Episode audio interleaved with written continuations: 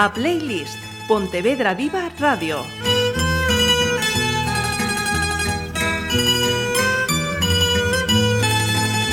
Xuntáronse catro un día Os mellores deste barrio.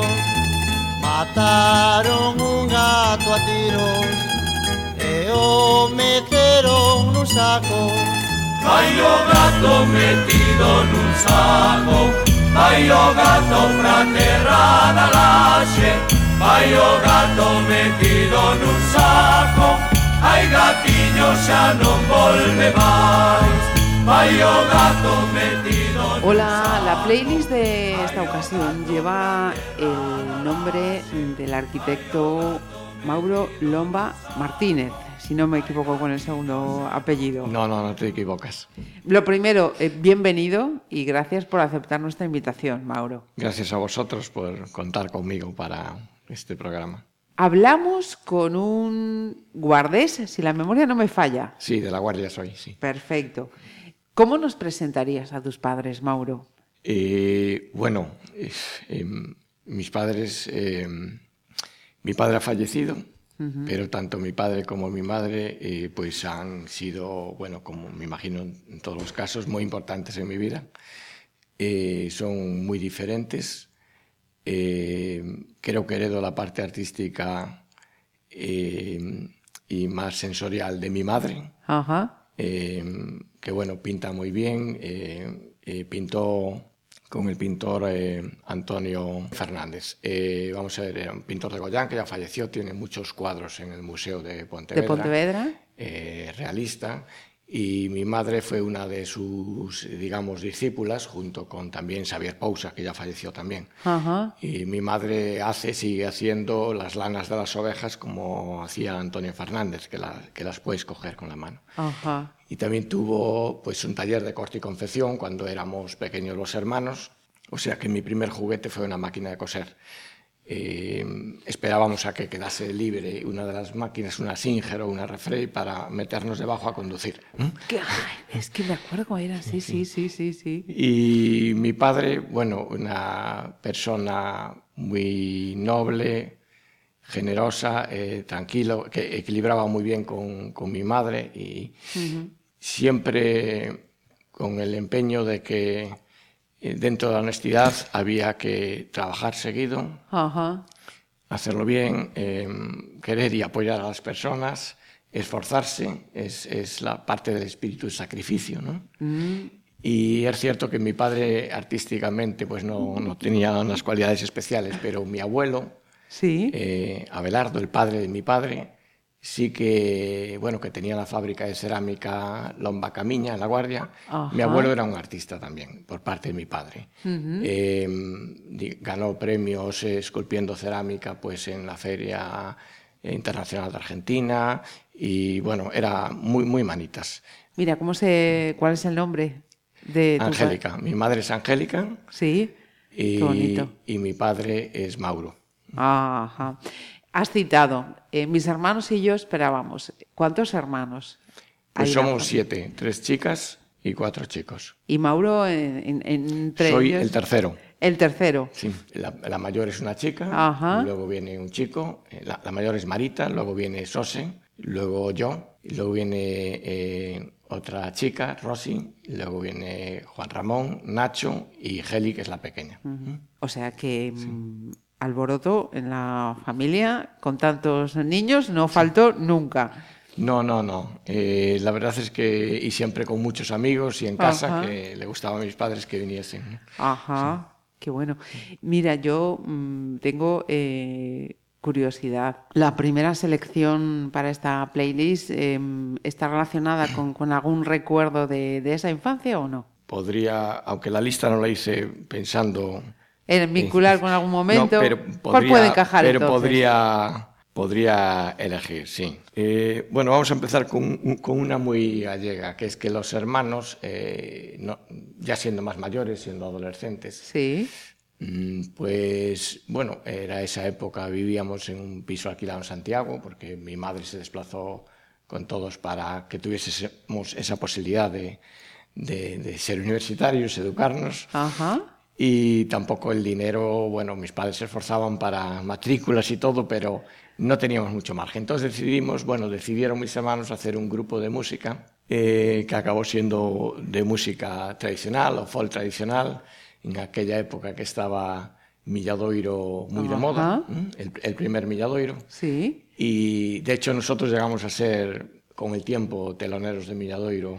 Estaba hablando en primera persona, en plural, nosotros, sí. o sea que Mauro sí. estaba ahí. Sí, sí yo, vamos a ver, yo eh, no hice, no estudié carrera musical, ni hice música, ni, ni, ni soy bueno para nada.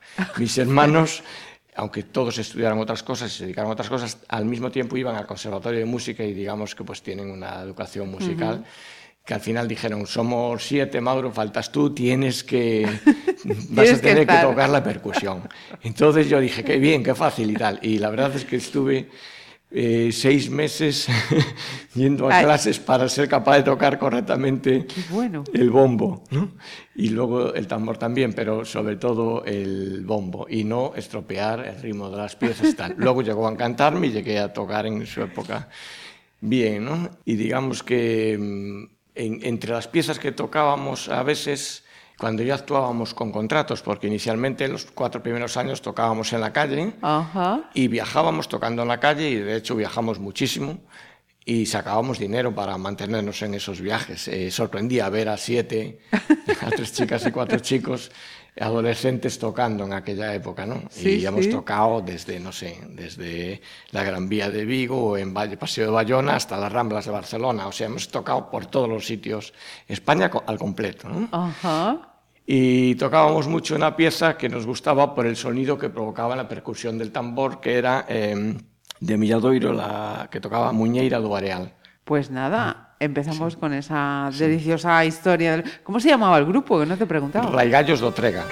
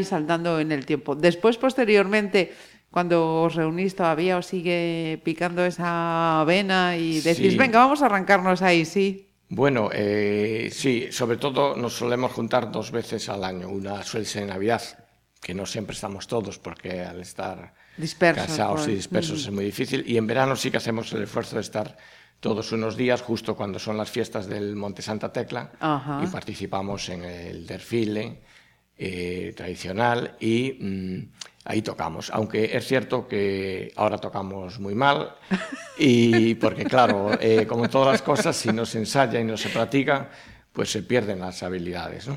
Y también es cierto que ahora en el grupo sí que se han incorporado, eh, que yo creo que son los que van a retomar el relevo. Los sobrinos, Todos los sí. sobrinos y mis hijos y todos, ¿no? y, y que ya están estudiando también para conservar un poco Esa tradición. esa tradición, ¿no? Qué bueno. Y bueno, mm, el- el- al que más le afecta que no toquemos bien es a mi hermano, al segundo, a, a Xose, que es quizás el más nacionalista e impulsor de la Ajá. cultura y la tradición gallega dentro de los hermanos. ¿no? Sí, sí, sí. Y bueno, yo lo, yo lo llevo mejor porque realmente me encanta la, la música y soy un aficionado a escuchar música, pero, pero me preocupa, me preocupa menos que no toquemos bien un día después de 20 años sin tocar. ¿no? Sí, señor. Qué bueno. Mira, eh, vo- volviendo a, a la infancia, una familia de, de Aguarda, pero creo recordar que tus padres eh, te habían matriculado en Marín, ¿no? Sí, somos siete hermanos, eh, entonces en la guardia, en aunque parezca sorprendente, en aquel momento las posibilidades de estudiar eran reducidas. Eh, había los colegios, yo primero fui dos años a las Carmelitas de allí, luego a los Padres Omascos, que era lo que había. Y cuando llegabas a, eras un poco más mayor, la mayoría de los chicos optaban por ser marineros, era el, el oeste de- del mar, Eh, era muy difícil estudiar, eh, los que queríamos o los padres querían que estudiásemos porque realmente eh, nuestros amigos ganaban mucho dinero y se iban al mar y estabas en un ambiente donde tú sin tener Sí. nada pasaba año tras y eso era muy difícil. Mis padres eh, con muy mucho acierto eh, cogieron y empezaron, primero mi hermana Marita estuvo interna en Cangas de Morrazo, eh, todavía había que cruzar en barco siempre, que no había puente. La ría, luego mi hermano Sos estuvo en Marín, en los Paules, y, y- y yo también. Estuve desde los 10 a los 14 años, eh, dos años en el Colegio Viejo, donde ahora es la Plaza de Guren, y estrené el Colegio Nuevo de Chandomonte, Sí. que había sido en aquel momento una, una revolución arquitectónica ¿eh? del planteamiento de un colegio. Luego se vino menos, pero en aquel momento eh, el nuevo estaba estructurado y distribuido, todo con habitaciones individuales o conjuntas, pero muy bien equipadas y realmente vivíamos en un hotel. Cuando ya llevábamos cuatro hermanos, unos años internos haciendo números mis padres, pues se dieron cuenta que era inviable seguir. y tal. Y entonces decidieron alquilar un piso en Santiago y mi madre se vino Sí. con nosotros. Eh, Geli todavía era muy pequeña y allí pues dijeron, bueno, pues ahora en Santiago ya todos van a estudiar y tal. Y mi padre subía los fines de semana a vernos y volvía a bajar. Ajá. Que hicieron un esfuerzo enorme, pero que todos se lo agradecemos porque, bueno, mi padre también era, su frase era que todo lo que nos iba a dejar eran nuestros Era- estudios. ¿no? Mm, me suena. Y, me y suena. bueno, pues eh, bien, estuvo muy bien y tenemos que agradecerle ese esfuerzo porque así conseguimos también, Ajá. Bueno, pues eh, hacer algo y tal. Sí, señor. Mm. O sea que entonces también esa, esa etapa muy, muy juvenil, muy juvenil está, está vinculada también a Santiago. ¿Cómo es? Pues sí, de hecho luego imagen. estuve mucho tiempo viviendo En en Santiago. Santiago. aunque luego me fui a estudiar arquitectura a La Coruña y Ajá. los fines de semana eh, volvía a Santiago con mis hermanos ¿no? y, y mis padres que nos juntábamos allí. Entonces, realmente la época que me tocó fue justo eh, cuando acabó la dictadura, porque yo eh, estuve hasta el 1975 en Marín, justo cuando murió Franco, y al año siguiente empezamos en Santiago. Santiago. Entonces vivimos un poco también Esa esa época de, de los grises, de correr por las calles, que, bueno, eh, sí, hemos vivido esa época de la transición. sí. Le ponemos otra pieza musical, Mauro. Venga, ¿qué podemos escuchar? Mm, Ni se me había ocurrido que podía ser esta, pero ya que estamos hablando de, de, de ese momento, eh, pues un tema de, que canta Paco Ibáñez eh, la- eh, sobre un poema de Gabriel Celaya, que es La poesía es un arma cargada de futuro, que creo que a pesar de que pasó muchísimo tiempo, sigue siendo un tema que, Muy que estaría muy vigente. Cuando ya nada se espera personalmente saltante, más se palpita y se sigue más acá de la conciencia, fieramente existiendo, ciegamente afirmando, como un pulso que golpea las tinieblas, que golpea las tinieblas. Poesía para el pobre, poesía necesaria como el pan de cada día, como el aire que exigimos trece veces por minuto para ser y en tanto somos dar un sí que glorifica. Porque vivimos a golpes, porque apenas si nos dejan decir que somos quien somos. Nuestros cantares no pueden ser sin pecado un adorno. Estamos tocando el fondo, estamos tocando el fondo. Maldigo la poesía concebida como un lujo cultural por los neutrales, que lavándose las manos se desentienden y evaden. Maldigo la poesía de quien no toma partido, partido hasta mancharse. Hago mía las faltas, siento en mía cuánto sufren y canto respirando. Canto y canto y cantando más allá de mis penas, de mis penas personales. Me ensancho, me ensancho. Quiero daros vida, provocar nuevos actos y calculo por eso con técnica que puedo. Me siento un ingeniero del verso y un obrero que trabaja con otros España, a España en sus aceros.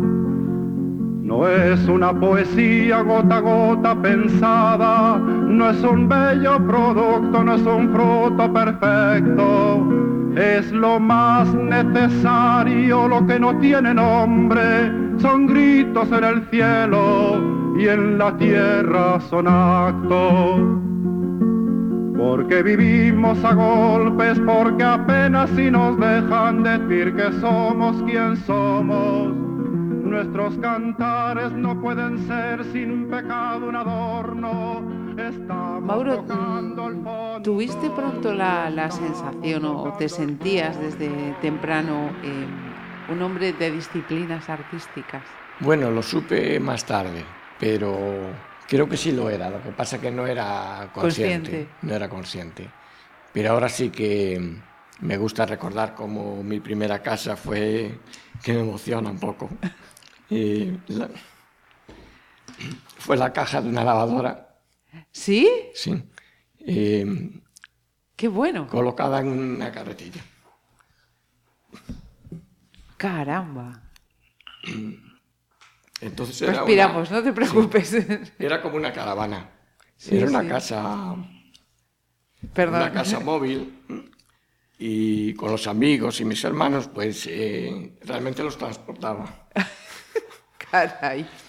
Y luego vivíamos en una casa que, como todas las de Galicia, estaba inacabada. Sí. Entonces era una casa con patas, con el bajo sin acabar para o día de mañana. Ajá. Y entonces ahí con los ladrillos que todavía quedaban de la obra, pues hacíamos eh, distribuciones. distribuciones Ajá. ¿no?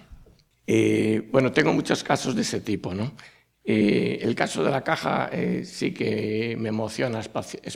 especialmente, sí. Sí, sí. Lo recuerdo muy bien. Cómo lo hice, mm, cómo la, bueno, la estructuré, la coloqué, le abrí las ventanas, la puerta y todo. Increíble. Y, y bueno, luego siempre hice muchísimas maquetas, eh, casas para, para gato, muchísimas, modernas, distintas. Eh, bueno, eh, sí, sí, siempre me ha gustado. Y cuando estaba interno también en Marín, eh, en Chandomonte, en la parte alta, eh, con 11 años, pues el domingo, que yo solo iba a casa en el año tres veces al año. En Navidad, en Semana Santa y en verano. Bueno, pues con algunos amigos que quedábamos habitualmente los domingos, que éramos de lejos, pues recuerdo hacer una cabaña también en un árbol, en un monte de madera. Eh, de hecho, una de las veces ya acabando la cabaña, pues martillaba con una piedra los clavos y me cayó la piedra encima de la cabeza de un ¡Ah! amigo y le dieron dos puntos solo en la cabeza. Y, o sea que siempre, sin ser consciente, pues yo iba jugando con, Ibas- con lo que es el, espacio. Por otra parte, eso se, se mezclaba muchísimo con que mi madre pintaba y pintaba muy bien. Y bordaba impresionante. Tiene unas cualidades muy, muy, muy buenas eh, para muchas disciplinas artísticas. Entonces, yo viví también lo que es la época de la costura, del taller de costura, cómo bordaban. En general, eran, eran chicas en aquel momento, prácticamente todos, todas. Y mm, bordaban y cómo cortaba patrones. De hecho, yo ahora mismo me gusta eh, decir que, bueno, igual que decía Valenciaga, ¿no? que la, la moda del corte y confección es arquitectura y que el espacio más pequeño que habitas es la chaqueta La o la que camiseta llevas, que llevas puesta. ¿no? Y creo que hay un vínculo muy directo entre, siendo disciplinas distintas, entre eh, La a la hora de y proyectar, la- ¿no? Y se puede proyectar un edificio como si fuesen patrones de, de moda. Y esa relación con las artes, pues también viene por mi madre en ese aspecto. Y bueno, luego ya se fue mezclando también con la música. Me gustaba dibujar, dibujaba muy bien. El típico chico que los padres te dicen que bien dibuja, que bien dibuja. Que luego te das cuenta también cuando eres mayor que de eso nada, que, dibuja, que dibujas bastante normalucho, bastante normal. Lo que pasa que cuando te van diciendo de pequeño todas esas cosas te lo vas creyendo, ¿no? Y cuando ya llega un momento en tu vida en que conoces gente que dibuja bien y que entonces dices, "Buah, yo soy, un, soy de, de un 3 o un 4. ¿Entiendes? Y bueno, pues mm, Había, Sí, había sí. mucha madera, mucha Sí. madera. Fíjate que con todo esto que nos estabas contando, eh, hubo un momento que decía yo, qué relativa es la distancia, ¿no? Cuando decías, solamente iba tres veces a casa, sí. fíjate que a, a 2020 estamos hablando Marín, Aguarda, tres veces a casa, porque claro, de aquella, Bueno, era eh, mis padres trabajando, eh, con más hermanos Hermanos, pequeños. claro. Y los medios de transporte Eran los que eran. los que eran. Eh, había que parar en algunos momentos en la carretera para que se cruzase un camión. O sea que echábamos horas para llegar a Marín desde La Guardia.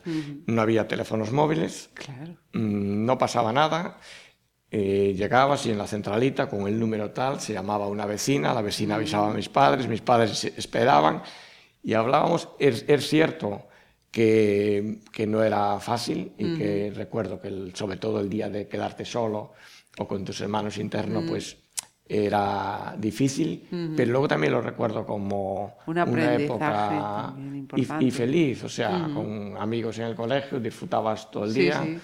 El, el trato y el cariño era muy correcto de los de paules. los padres. Ujú. Sí, y de hecho, el fin de semana, a los 10 o 15 que quedábamos habitualmente, pues el trato era muy familiar. Lo mismo Ajá. nos traían al fútbol, que íbamos con ellos de paseo, el trato era muy, muy familiar. Y la distancia, pues era la que era. Es cierto que mis padres alguna vez iban a vernos también, o sea, a lo mejor una vez al mes, sí, pero que las distancias eran largas. Ahora, eh, con 10 años, con 11 o 12, que eran los que teníamos, eh, veníamos solos a veces al, al colegio, cogíamos el autobús hasta Vigo, desde La Guardia, dos horas y media o tres mínimo, luego te cruzabas para ir a la estación de tren, volvías a echar de, Pontevedra, de Vigo a Pontevedra muchísimo tiempo, al llegar a Pontevedra teníamos que coger el trole, eh, el trole que habitualmente nos dejaba en donde ahora mismo es la plaza de,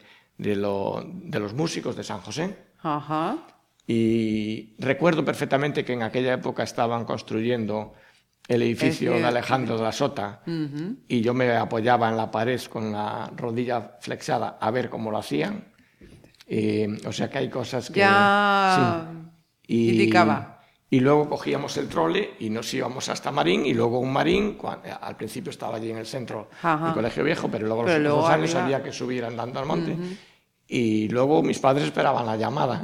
y decir, ya estamos, Ya en- estamos aquí, ya hemos hecho el... Pero ya nada, Fíjate. nada más.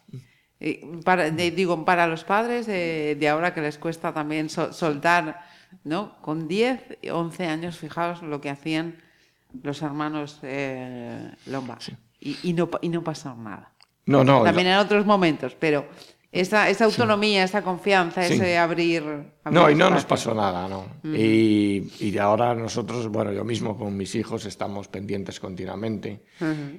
Tal. Bueno, son épocas y situaciones diferentes. Diferentes. Y a lo mejor la libertad de ellos ahora es que el nuestro salir al extranjero era venir a Marín y ahora ellos se mueven por todo el mundo. Efectivamente, efectivamente.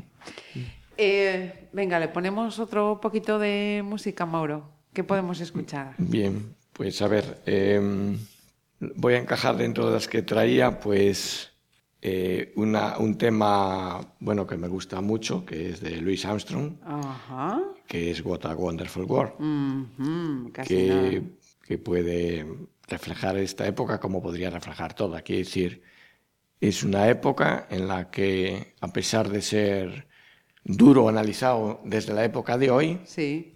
en aquel momento no lo era. Eh, Teníamos asumido eh, el- que el espíritu sacrificio, el esfuerzo para poder estudiar, para poder llegar a ser alguien, exigía eh, Esas circunstancias. esas y circunstancias, ¿no? esos- Ujú. Y también era un mundo feliz. En el momento que quedábamos.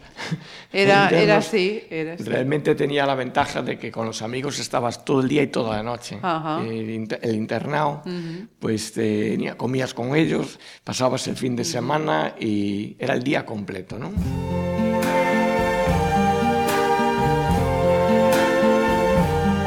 I see trees of green,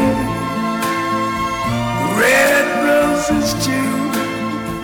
I see them bloom for me and you. And I think to myself, what a wonderful world.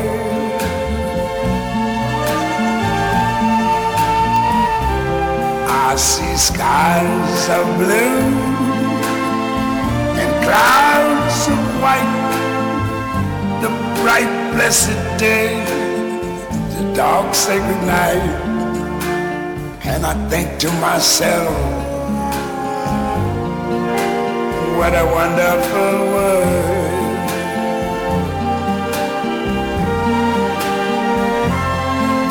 The colors of the rainbow, so pretty in the sky are also on the faces of people going by. I see friends shaking hands, saying, How do you do? They're really saying, I love you. I hear babies cry. I watch them grow. They'll learn much more than I never knew. And I think to myself, what a wonderful world. Yes, I think to myself, what a wonderful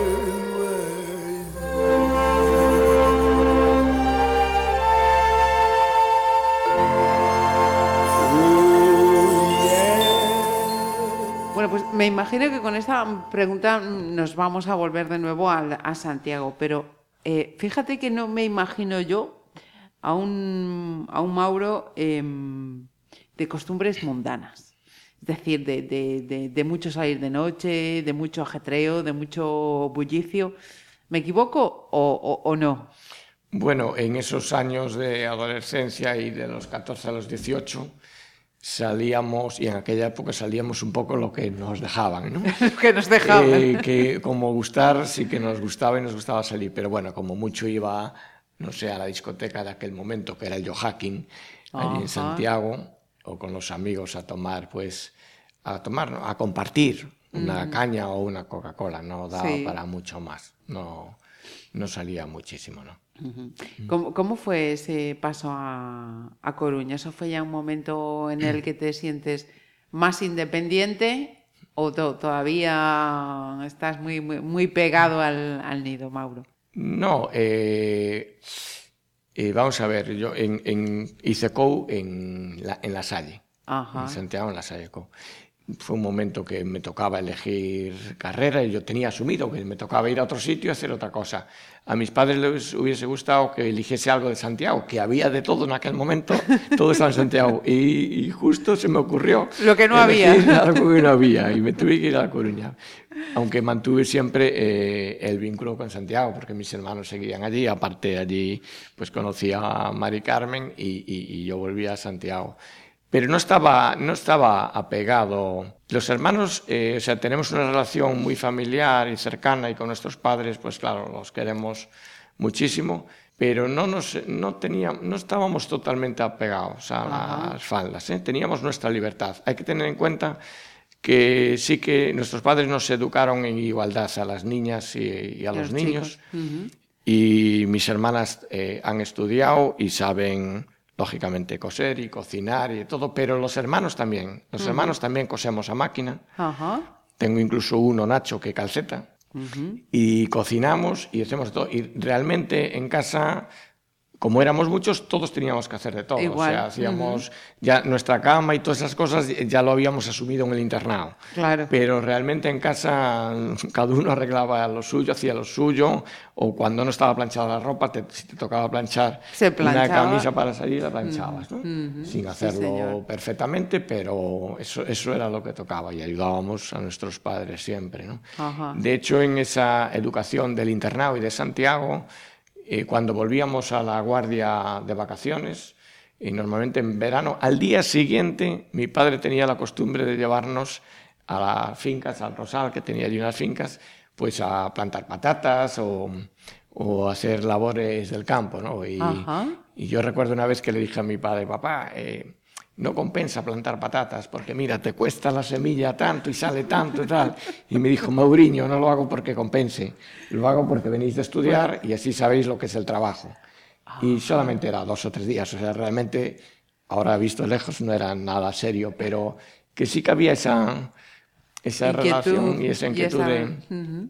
Y entonces, no, no, no lo estábamos. Cuando había que hacer algo, o salir o ir, o Sí, lo hacíamos. Qué bueno. Cuando, cuando ya comienzas a, a tener ese contacto más, digamos, eh, profesional con la arquitectura, estudiando, quiero decir, ¿cómo, cómo lo ves? ¿Es como lo imaginabas? Tú dices, bueno, ya, efectivamente esto es lo mío, estoy en lo que quería. La verdad es que descubrí que, mm, que la profesión era la mía, porque antes de entrar tenía mis dudas con otras disciplinas, eh, barajaba también Bellas Artes y también ingeniería. Ahora me doy cuenta que acerté que ingeniería no era lo mío, a pesar de que profundizo en el detalle, y era más la arquitectura. Y la verdad es que me, me atrapó, pero me atrapó la profesión eh, de la práctica real, la investigación, de leer lo que hacían otros arquitectos, de, de disfrutar eh, de los espacios. No me atrapó el profesorado ni la... no, lo que allí estaba ocurriendo. Me costó muchísimo hacer la carrera porque tenía una guerra interna entre lo que yo creía que tenía que ser la, la educación eh, o la formación en arquitectura y lo que allí estaba ocurriendo. Para empezar, eh, y lo voy a decir así de claro, la mayoría de los profesorados, eh, pues para mí no reflejaban una coherencia que siempre me había enseñado mi padre entre lo que allí contaban, decían y lo que hacían fuera. Eh, no lo vivían con pasión. Es un problema de la educación que hay en, otro- en No se otros sectores. No lo vivían con pasión. Entonces, tanto de pequeño como en el internado, como en Santiago, como en la carrera, te salvan algunos profesores. Te salvan aquellos que de alguna forma tú ves cómo les hierve por dentro eh, la pasión y la vocación. Eh, y esos son los que te dicen, esto es lo que quiero yo. Pero son solo Contados. son solo contados. unos cuantos, ¿no? ¿Qué pasa? Que es cierto también que aunque me costó mucho aprobar, sí que yo profundicé mucho en lo que era la, la formación humanística y cultural de arquitectura Ajá. y leía, investigaba, viajaba, conocía, maridaba, mezclaba, eh, me inquietaban lo que ahora veo a veces que me da la sensación de que no ocurre, o sí, me gustaba todas las disciplinas creativas, me gustaba ir desde la visita a un museo, a una exposición, a interesarme por, por cualquier disciplina, no sé, por la poesía, como cualquier cosa. Y bueno, finalmente acabé con mucho sacrificio, creo que de los últimos, de los que entraron conmigo, pero también es cierto que ahora me siento bien conmigo mismo. Eh, descubrí la profesión y la belleza de la profesión al salir y también eh, descubrí la, la dureza eh, de la vida real. O sea, ser arquitecto, ser arquitecto es muy difícil hoy en día. Para estar a gusto con uno mismo, con el trabajo que desarrolla, para mantener la autoestima, para responder a tu, a tu creatividad ¿no? Y también para responder socialmente a lo que debería responder la arquitectura. Más nos movemos en un territorio, yo me muevo en un territorio que es Galicia, donde creo que hay una cuestión cultural respecto a muchas cosas, pero a lo de eh, la falta del valor por lo público, eh, el- la falta de valor por, por lo verde, porque tenemos tanto que ya nos aprecia, eh, lo de isto é meu fago que me dá gana, lo de acotar todo, acotarlo y tal. Es, es muy difícil trabajar Ajá. en Galicia y sortear las dificultades culturales y tal para responder con una arquitectura que al, que al final es para el usuario. ¿no? Y bueno, eh, habría que hablar muchísimo de esto. Por supuesto que, la, que, que no estoy culpando a nadie, creo que la culpa es un poco de todos, De todos, de ¿no? los arquitectos también, de la sociedad en general, de las normativas, de los políticos. O sea, es- daría para hablar mucho, un cúmulo. un mucho cúmulo. tiempo. Quería preguntarle ya algunas cosas relacionadas con la arquitectura, pero vamos a ponerle otro punto musical. ¿Qué escuchamos ahora, Mauro? Pues mira, tengo un tema, tenía un tema seleccionado, lo tengo, que, que es un poema de San Juan de la Cruz, Ajá. que se titula Le di a la caza alcance y que canta Estrella Morente y con música de Michael Nyman. Nada. Entonces, eh, en aquella época de estudiante universitario me encantaba, me gustaba muchísimo escuchar, bueno, ahora Radio 3 y toda la música New Age y tal. Ajá. Y bueno, Wim Mertens y Michael Nyman y Susan Chen y bueno, y, todo- toda esa generación de músicos ¿no? me encantan. En el caso concreto de Michael Nyman, igual que Wim Mertens, que también tengo seleccionado un tema, pues eh, creo que son muy arquitectónicos. Bueno, toda la música es arquitectura también, o Ajá. sea, las matemáticas, dicho, sí. las matemáticas, la música, eh, los ritmos, las- la estructura con la que se plantea es música y creo que se puede musicar un edificio bien hecho y también se puede construir una pieza Musical. musical, ¿no? si haciendo el, el, el de paralelismo, sí. información. Y bueno, pues eso, eh, los ritmos de Michael Nyman, todo eso, que bueno, que también vienen de la música clásica, de, Ajá. Mm, pues eh, en este caso se combina muy bien con Estrella Morente, que es una voz Flamenca. flamenca, espectacular, y el tema místico de San Juan de la Cruz, pues eh, me Casi gusta nada. mucho. Y bueno, pues acabé arquitectura y le di a la casa alcance, aunque son, aunque en el fondo el, el tema no era por haber conseguido algo de eso, pero bueno, creo, creo que es un tema que puede estar bien aquí.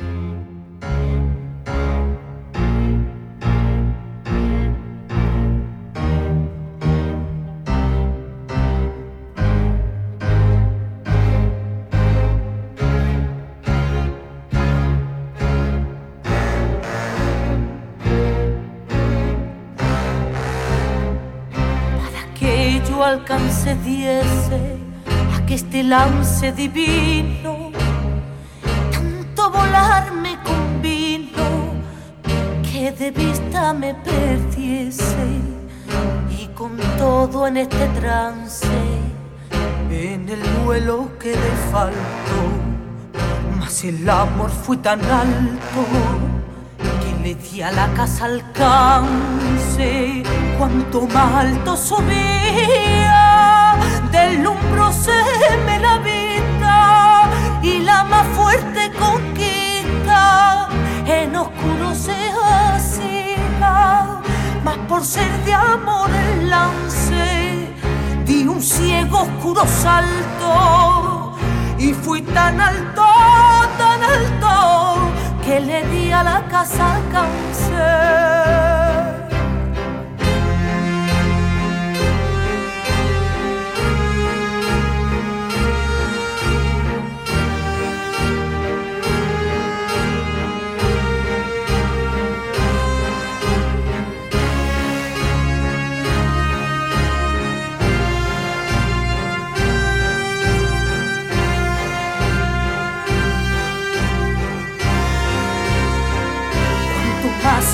Llegaba este lance tan subido, tanto más baja y rendida y abatida yo me hallaba.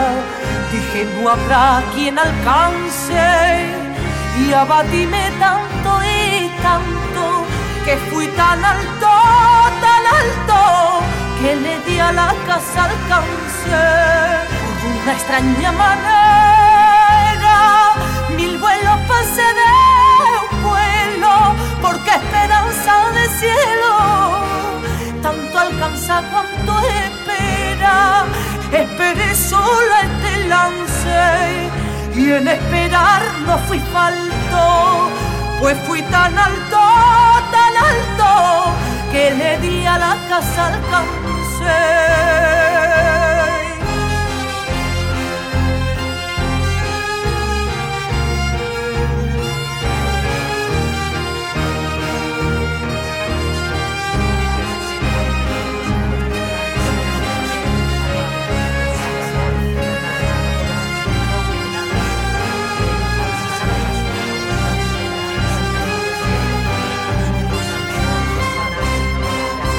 Una extraña manera. Mil vuelos pasé de un vuelo, porque esperanza de cielo tanto alcanza cuanto espera. Esperé sola este lance y en esperar no fui falto, pues fui tan alto, tan alto que le di a la casa alcancé por una extraña manera vuelo pasé de un vuelo, porque esperanza de cielo tanto alcanza cuanto espera. Esperé sola este lance y en esperar no fui falto, pues fui tan alto, tan alto que le di a la casa alcance. Mira, en la mm, primera charla que mm, yo tuve contigo, Maura, hablábamos de, mm, esa comunicación que hay entre eh, un edificio y, las personas. Y, ahora delante de los micrófonos te pregunto, eh, una casa o un piso, ese, ese lugar que, elegimos para, para vivir, te habla sin palabras. Es decir, hay una conexión sin palabras entre ese espacio y su posible morador?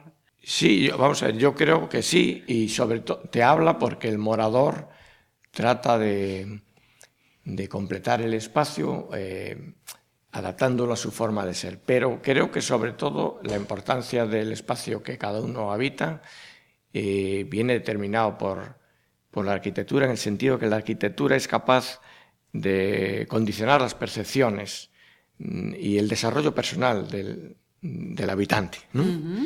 Eh, la, arquitectura, yo digo también muchas veces que los arquitectos somos médicos del espacio. somos los médicos del espacio. Te podemos estropear la vida o te podemos salvar. el espacio tiene esa capacidad de atender a aspectos emocionales y sensoriales eh, que hagan que, la persona eh, que utiliza un espacio, y en el, caso particular de las casas, que es el refugio personal, responda a su forma de sentir y de ser y vivir. Todos somos diferentes y pensamos diferentes. Hay gente más extrovertida, gente más introvertida, abierta, cerrada. Y creo que el espacio tiene mucho que ver. A la hora de proyectarlo hay que conocer a, la persona para la que vas a proyectar. Y la importancia de la luz, de los ritmos vitales, del paso de las estaciones, eh, de las texturas de los materiales. y todos esos aspectos sensoriales me parecen que, que son a día de hoy la, la, clave de la arquitectura, porque eh, venimos diciendo ya desde, desde siempre, desde Vitruvio, lo de que funciona, funcionalidad, resistencia y belleza, uh -huh. pero yo creo que últimamente se ha desatendido a la belleza y se ha desatendido por una cuestión, por un lado, un poco especulativa uh -huh. y la gente en el primer mundo va a un ritmo frenético en el que pues no, no se para a atender que la felicidad está en cosas a veces muy, muy cercanas. Muy esa, esa, belleza, yo creo que de la arquitectura, yo creo que el arquitecto de hoy en día tiene que atender mucho ese aspecto. Por supuesto, ya sabemos que tiene que ser funcional y responder al uso, el uh -huh. edificio que, que estás proyectando, y que tiene que ser resistente, que no se puede caer. Uh -huh. eso, eso ya lo sabemos, lo vamos a dar por hecho, bien. Eh, pero hasta ahí es ser técnico. Ser arquitecto es atender los aspectos emocionales y sensoriales uh -huh. y atender a la belleza.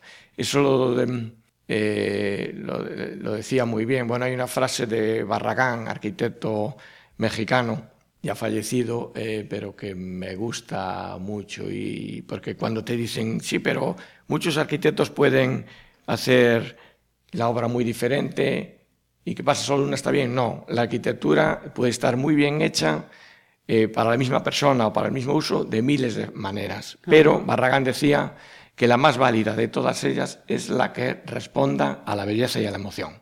Y bueno, para mí yo procuro siempre eh, responder desde ese aspecto a la, a la, arquitectura, que no es fácil. Mira, no, para mí sería imposible, te lo aseguro. Estaba hablando de, o te preguntaba por ese diálogo entre el, el espacio y, el, y, la persona que, que, podría residir en ese espacio. Pero mmm, supongo que también hay otro diálogo que sería entre ese espacio y, y la disponibilidad económica del posible morador, ¿no?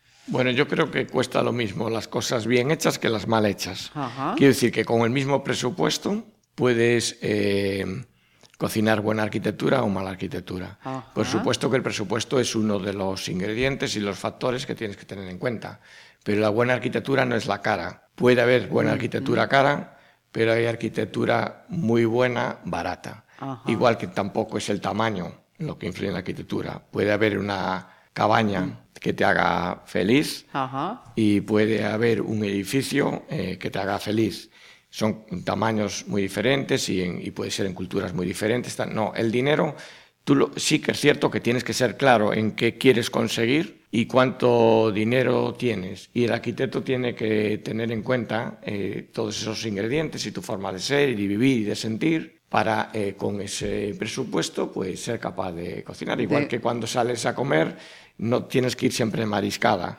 Eh, puedes tomar perfectamente una no sé, un, unos calamares uh -huh. rebozados y, puedes disfrutar de... muchísimo gastando mucho menos. Uh -huh. La arquitectura igual.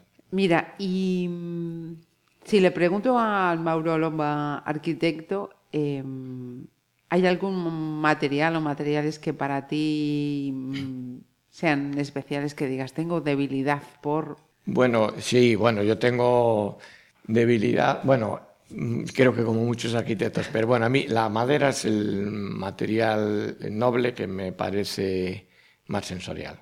Ajá. La madera responde a los cinco sentidos. Eh, se puede tocar, las texturas, eh, la temperatura, el olor, desprende olor. El sabor también, la madera se, se, puede comer, de hecho hay maderas que se comen, pero bueno, en Galicia las tablas de pulpo, uh -huh. otras tablas forman parte de los utensilios de, cocina, son de madera. Eh, la acústica de la madera, bueno, hay cantidad de instrumentos, bueno, de cuerda o de tal, que tam también de viento de madera. La madera responde a los cinco sentidos. Y si tú utilizas esa respuesta que da la madera en la arquitectura, la arquitectura puede ser impresionante. En Galicia tengo que decir que realmente la combinación de piedra-madera eh, me gusta muchísimo. Piedra y madera, digamos que son, junto con las arcillas, los materiales digamos, eh, nobles y tradicionales por excelencia. y que en toda la arquitectura vernácula de todo el mundo eh, siempre están esos, materiales, ¿no? Eh, en cada zona los del lugar, pero piedras, maderas, barros, arcillas, ¿no? Y también, eh, bueno, me gusta contar de forma divulgativa que quizás cuando aparece el hombre tiene que por primera vez refugiarse en, en el mundo, pues se mete en una cueva de, de- de piedra y allí habita, pero luego observando desde la entrada de la cueva el bosque, pues se fija que otros animales viven en los árboles y sale a conquistar el árbol, que es la madera, Ajá. y luego se da cuenta que el árbol y la madera no, no, no consigue hacer todo con, con ese material único, entonces piensa que como, como los buenos vinos, que mezclan a veces variedades, pues dice, pues voy a, a mezclar la piedra y la madera y Ajá. aparece la arquitectura vernácula, los muros, los muros del poblado casteño de la Guardia, vamos, los muros autoestables, eh, curvos, que no se caen de las mamposterías o del barro y luego las cubiertas de maderas, de pajas, de tal. ¿no? Y esos dos materiales, eh, que a veces uno cuando habla de ellos en Galicia parece que lo que vas a hacer es arquitectura rústica, pues no es así. Los materiales son capaces de ir respondiendo en cada época a la arquitectura De ese momento. de- de ese momento. Y son las carencias de los que la hacemos los que a lo mejor no sabemos utilizarlos en el momento. Pero los materiales son capaces de, de ir respondiendo a esa nueva forma de ver la arquitectura. Todo viene de un concepto que, que es eh, no rechazar la, la tradición. La tradición como conocimiento, ¿no? que también es algo que veo que está pasando. La gente no quiere ver lo viejo, lo que le parece viejo, lo que parece eh, histórico y uno opta muchas veces por cortar los árboles rápidamente o tirar la casa vieja para hacer una nueva que está peor. Entonces, la tradición es el conocimiento de nuestras generaciones pasadas eh, en todos los oficios. ¿no? Y nosotros tenemos que responder eh, aprendiendo de esa, tra- eh, tradición. Como algo que te, que te pone en el avance de la innovación. O sea, pero tú tienes que partir de esa base. y, y todos esos recursos están a nuestro servicio. Lo que hay es que añadir, añadir y añadir.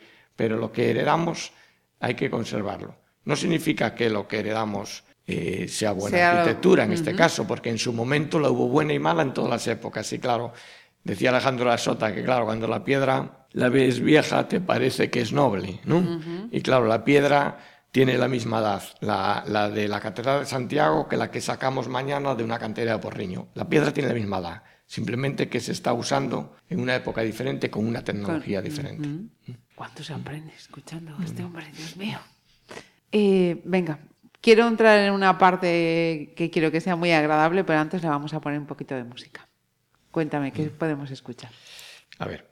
Bueno, vamos a escuchar una canción, no sé si encaja o no, pero eh, que canta una- una- un tema de Händel, Ajá. que es eh, Lacia la espina, Coglia la rosa, que canta Cecilia Bartoli, ¿no?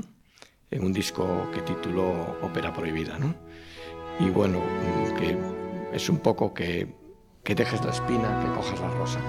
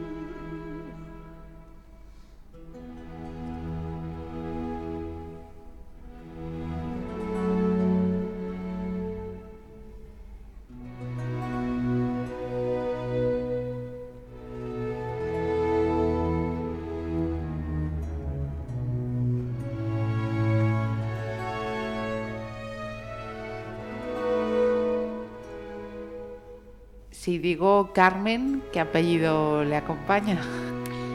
Martínez. que aunque es también un El- el apellido. tuyo, el pero- mío y es normal. Y mis hijos se, se apellidan como yo. pero es muy bonito y tiene, bueno, eh, muchísima. Es una de las mujeres de mi vida. junto con mi madre. Y, y bueno, eh, Carmen significa poesía también. Ajá. Y bueno, Mari Carmen es, es mi mujer, es mi pareja de siempre, llevo con ella toda la vida, desde, desde COU, que fue cuando la conocí, Ajá. en Santiago, o sea que llevamos 40 años o así. sí, sí, soy, soy mayor ya, sí. Nos, hemos crecido juntos Ajá. y nos hemos formado juntos, yo creo que ella ha influido en toda mi vida y parte de la forma de ser que tengo tal, yo creo que está condicionada por esa Por relación de tantos Sí. años con ella y yo creo que algo debí influir también en ella tal. Hay- a veces la gente nos dice, ¿y cómo puede durar tanto una pareja? Sobre todo hoy en día. Bueno, yo no, no soy ya de una generación de hoy, pero también creo... Sí, yo creo que sí, ¿eh? Sí, bueno, por edad, digo. Pero yo sí que creo que, bueno, primero, es una suerte acertar. Ah, Está claro. Sin duda. No sé, creo que hay que poner la voluntad Ajá. de que las cosas eh, puedan Salgan a- ir ocurriendo, que no tiene por qué ser siempre así. O sea, yo eh, trato de entender todo y además siempre pido cada día pues que esto siga así. ¿no? Decir, yo creo que es una relación de, de respeto, de muchísimo respeto, de cesiones. Las dos partes tienen que ceder para que una relación vaya adelante y que junto con ese respeto pues ya está. Y luego creo que siempre que creo que siempre hay que esconder algo. Esconder algo me refiero a, a que a sorprender, a Ajá. sorprender, a que quiere decir, pues no puedes caer en la rutina Monotonía, sí. y en la monotonía de que 40 años sean iguales. Ajá. Entonces, son iguales en la relación, pero han sido diferentes cada semana, ¿no? Es cierto que Mari Carmen es muy inquieta, eh, es incansable, no para, eh, y, y, bueno, tiene tantos temas y tantas cosas que le interesan y trabajan, y yo de alguna forma también los tengo, que al final ese maridaje pues hace que, que, que- que, no sé, que mantengamos. Personal y Tenemos- profesionalmente Sí. hayan salido muchas cosas. Por si acaso alguien todavía no, no sabe de quién hablamos, Mari Carmen Martínez, Carmen, es eh, la investigadora de la misión biológica eh, de Galicia, directora del grupo de, de viticultura, una Sí. mujer con una trayectoria eh, reconocida y conocida dentro y fuera de, de Galicia. ¿Que compartís cuántos hijos, Mauro?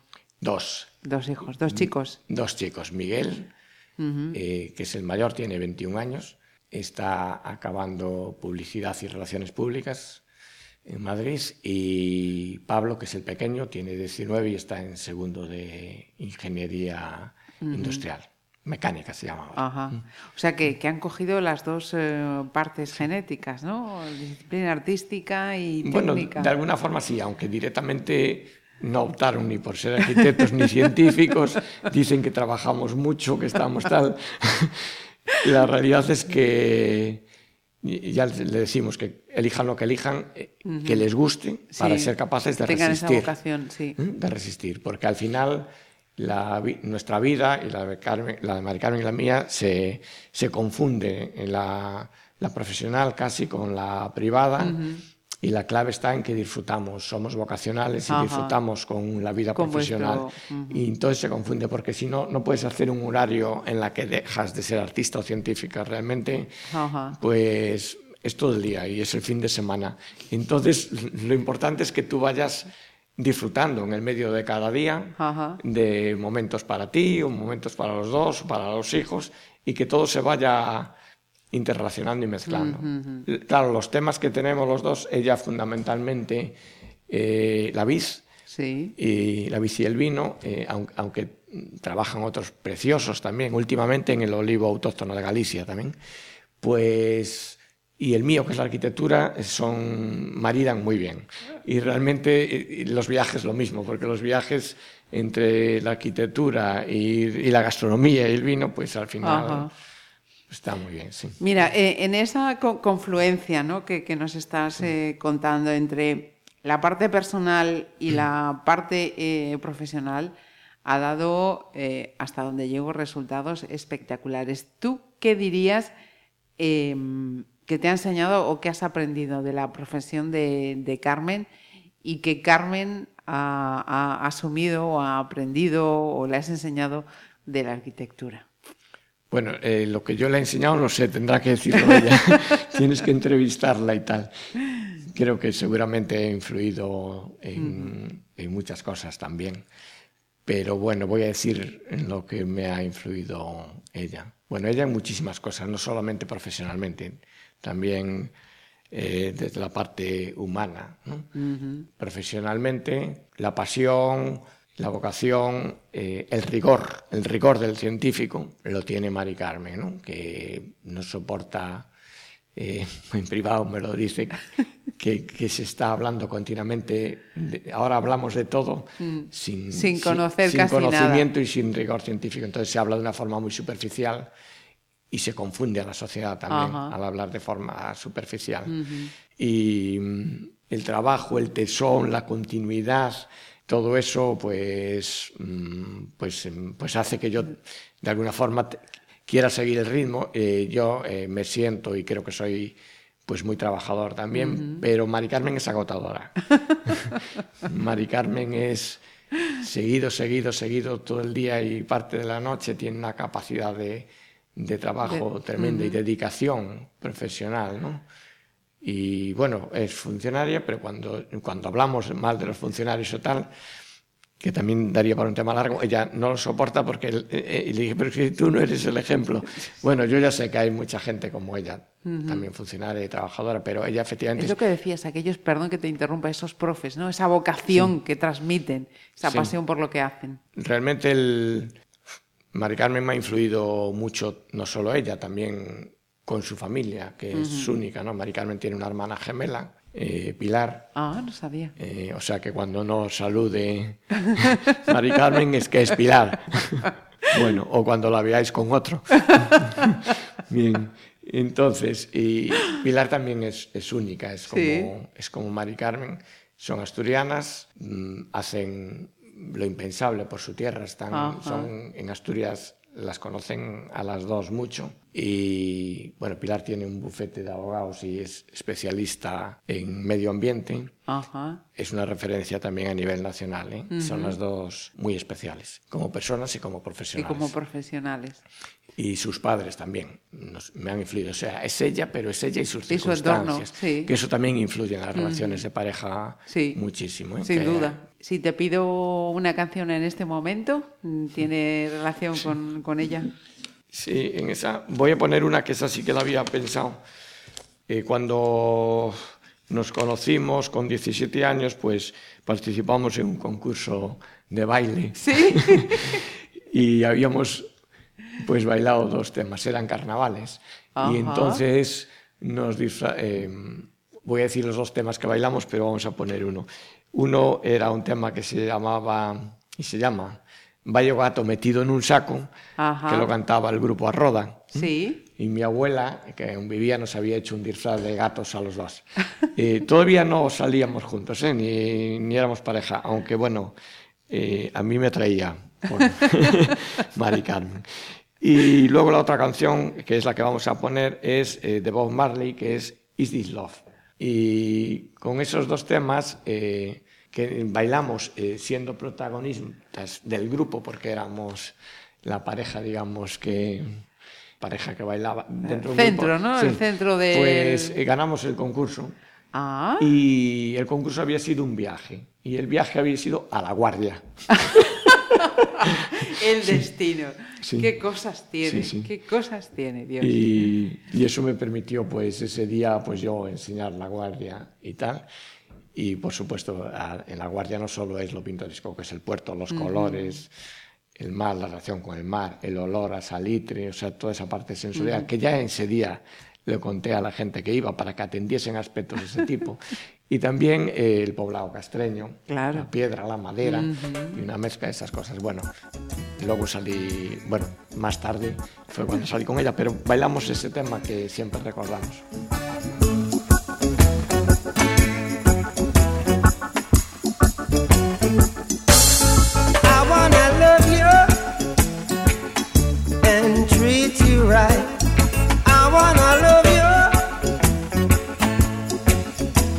every day.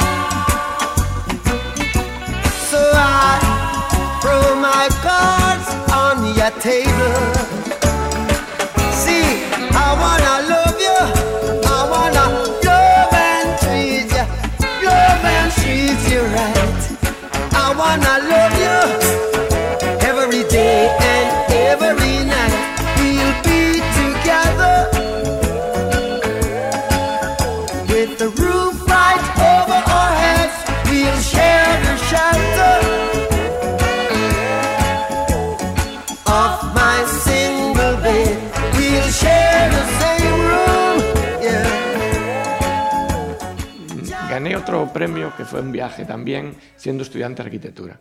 Ah, sí, ¿y a dónde fue? ¿Qué porque fue? te quería, te fíjate, vi- viene perfecto porque te iba a preguntar en relación a viajes. Pues háblame de ese, de ese otro premio, por favor.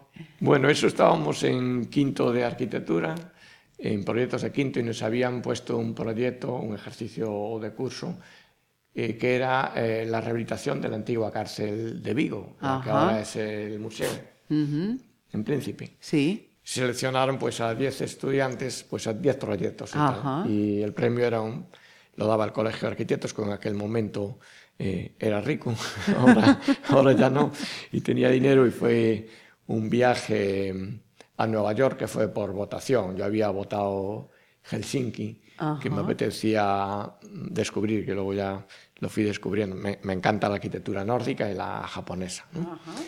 Y bueno, finalmente fue en Nueva York y dije, "Buah, bueno, vamos a América. La verdad es que descubrí América y, y- y me encantó. O sea, Ajá. cuando llegamos a Nueva York fueron 10 días, que realmente fueron 20 porque fueron de día y de noche.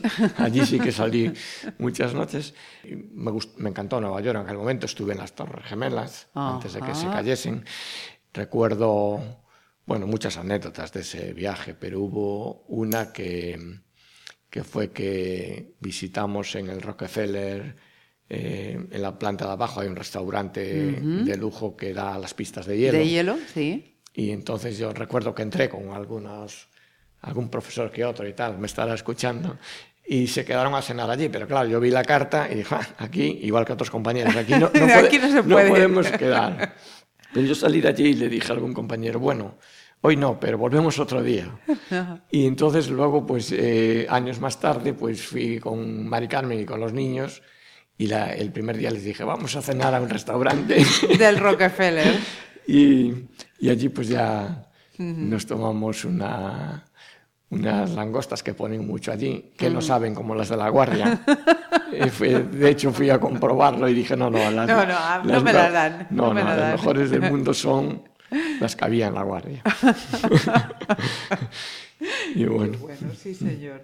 Pues mira, eso, hablando de, mm, de viajes, em, ¿cuál es la, la- la ciudad, el lugar que arquitectónicamente más te ha impresionado para bien de los que hayas conocido y desfavorablemente también de los que hayas conocido? bueno de, de ciudades hay muchas que me hay muchas ciudades que me gustan. Has Eh, dicho u- antes eh, la nórdica y Sí, japonesa, sí, imagino sí. que andará por ahí. Claro, entonces, hombre, pues, eh, no sé, Estocolmo me, me gusta y ves otra cosa es para, para vivir, porque luego Ajá. influye el clima y otros aspectos. ¿eh?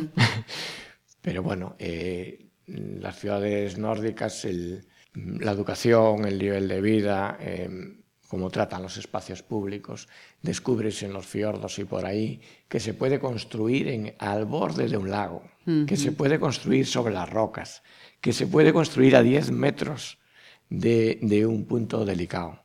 Pero lo que hay que hacerlo es con sensibilidad. Entonces aquí, aunque digamos que hay que construir a 200 metros de la costa, a 500 metros de la costa, si no lo la haces de la forma igual, pues da igual que estés a 200 metros. Entonces, se puede construir en, en un borde marítimo, en el centro de un río, se puede construir tal. No digo que haya que hacerlo, Ajá. digo que se puede Se hacer puede. bien, si se hace con, con sensibilidad. Con sensibilidad y respetando, claro. Y, pero bueno, si tengo que decir ciudades, claro, me gusta Roma, me gusta París, me gusta Nueva York, me gustan Lisboa, eh, me gustan, bueno, y, y de España me gustan, Madrid me gusta también, Barcelona, eh, hice la mili en Bilbao y ahora en aquella época estaba horroroso. Bilbao pero es un blanco y un negro. Claro, y pero ahora está. Bueno, hay. Yo creo que, ah, no sé, a mí como arquitecto mm, me encantan muchísimas ciudades porque también trato de ver ca- a cada una eh, respondiendo a la cultura Sí. y del lugar, su clima, su forma de ser. lo, que, lo que menos me gusta es, es la globalización actual en, en los aspectos de, de pérdida cultural. Ajá. Entonces, a mí me gusta eh, la globalización eh, del conocimiento. Sí. Que si yo me intereso por lo que ocurre en el mundo, pero luego si a mí me toca como arquitecto construir en Galicia, eh, todo ese conocimiento lo tendré que utilizar respetando que yo estoy defendiendo una cultura, Ajá. un paisaje, un clima, unas tradiciones. Entonces tengo que ser actual y contemporáneo dentro de mi región, respetando mi cultura y, y teniendo un conocimiento global. Claro. Entonces, esto tiene que ver también con que a veces el, quizás los nacionalismos, que yo, sí- yo sí me siento galleguista desde mi profesión y en defensa de mi cultura, pero a, a Al muer- 100%. a muerte. Pero luego me siento global en que me interesa todo. ¿no? Que el idioma, por supuesto, que es parte fundamental o quizás la primera parte de cada cultura Ajá. pero eh, responder a la región y al nacionalismo, a tu sentimiento, es hacerlo desde la profesión que te toca vivir. Es decir, no es solo hablar, es eh, que si tú eres arquitecto en Galicia, pues tienes que respetar esa cultura y respetar las otras disciplinas y disfrutar de ellas. Que, eh, que eso ocurre aquí. Aquí eh, cada uno de nosotros defiende su profesión y, sin embargo, eh, hay una falta un- de valoración de, las restantes. ¿no? Y tú tienes que ser un poco, un poco fundamentalista en decir, bueno, a mí me puede gustar eh, muchísimo un patio andaluz. Pero si estoy Pero en Galicia, ser- a lo eso mejor es. lo que tengo que hacer es una galería Ajá. o un corredor, que es otro microclima. Ujú. y, y eso hay que hacerlo aunque tú no te dediques, eh, aunque no seas arquitecto, aunque tengas otra profesión, pero cuando vas a hacer tu casa, encargarla y tal, tienes que dejarte asesorar también por, eh, por tu médico del espacio. Ajá. Y el médico tiene que interesarse por curar a, a Y su- mantener el estado de salud de su paciente. De su paciente, claro, porque, porque están ocurriendo muchísimas eh, Disfunciones. disfunciones. ¿no? Mira, nos vamos a otro aspecto que sé que también eh, disfrutas y te gusta. Eh, vamos a ponernos en un supuesto. ¿Quieres mm, impresionar a unos invitados o a complacer a unos invitados? Y eres tú el que va a cocinar. ¿Qué les prepararías? Es una, es una buena pregunta. Yo, yo cocino bastante, ¿eh? Y cocino Por eso, por eso te pregunto. Es cierto que me gusta más eh, cocinar los platos salados que los postres. Pero cuando, cuando toca llegar al postre, también me gusta comer, ¿no? Entonces, ¿dónde sería la invitación? Galicia. mi En tu casa, en tu casa, sí, sí, sí, sí. Bueno, pues a ver, le pondría. Yo soy, soy de pescados. Ajá. Entonces, bueno, mm, y quiero, bueno, podría hacer una mezcla de producto e ingrediente, ingredientes de la zona, los ingredientes, productos del mar y de la huerta, Ajá. eh, y tradicionales, pero emplatados de una forma más contemporánea. O sea, yo creo que ni se puede, no hay por qué llegar al minimalismo del- de la De cocina, la cocina. actual, que como arquitecto me encanta porque podría contarte que los arquitectos podemos diseñar el emplatado de una estrella Michelin. Pero bueno, al, al margen de eso, pues pondría, vamos a ver, pues no te voy a meter el compromiso, ya nos has dicho. Producto del mar mm, con producto de la huerta. sí. Y te pregunto, ¿lo regamos con un rosado en botella oscura? Bueno, en eh, podría ser, aunque ese rosado del que hablas es, es- es asturiano, que es nuestro Víteras Lucía. Ajá, ajá, que es que quería traer por ahí. Sí, sí. Quería podría, podría ser. eh, admite, lo puedes beber con, con pescados, por ejemplo, si fueran Asturias con un cabracho ¿no? O con un pastel de cabracho. Mm, Pero nuestro rosado asturiano eh, es un rosado de invierno. Es un rosado que lo puedes mm, tomar casi en sustitución de un tinto. Ajá. Eh, eh, no es un rosado de esos que se toman en verano por la noche, que muy ligerito están. No, es un rosado con su cuerpo Potente. y, y- y es muy rico. Y lo podrías tomar, por ejemplo, en nuestra zona de, de Asturias, donde está la casa familiar de Mari Carmen, en Carballo, Cangas de Narcea, eh, podrías tomarlo pues con cecina y queso de genestoso. Ajá. ¿no? por ejemplo. Eh, y tenemos también un, un Víteras eh, blanco, que es nuestro vino estrella, hecho con la variedad albarín, no, no albariño, No albariño, albarín. albarín, eh, que es una variedad riquísima que también recuperó Mari Carmen en, en los viñedos olvidados de las montañas del suroccidente de Asturias. Y ese lo pondría, pues, por ejemplo, con buñuelos de bacalao. ¿no? Y allí. Si fuese aquí en Galicia, en La Guardia, eh, pues mm, sí que podría poner de primero pues un, un salpicón, un salpicón de, de bogavante, por ejemplo, que aunque La Guardia es zona langosta, el bogavante es más jugoso, me, gu- me gusta casi más. Y un, un salpicón y luego a lo mejor pues pondría pues una merluza a la cazuela que, que cocina mucho mi madre, he hecho una cazuela de barro con, con unos mejillones, unos espárragos, unas almejas. y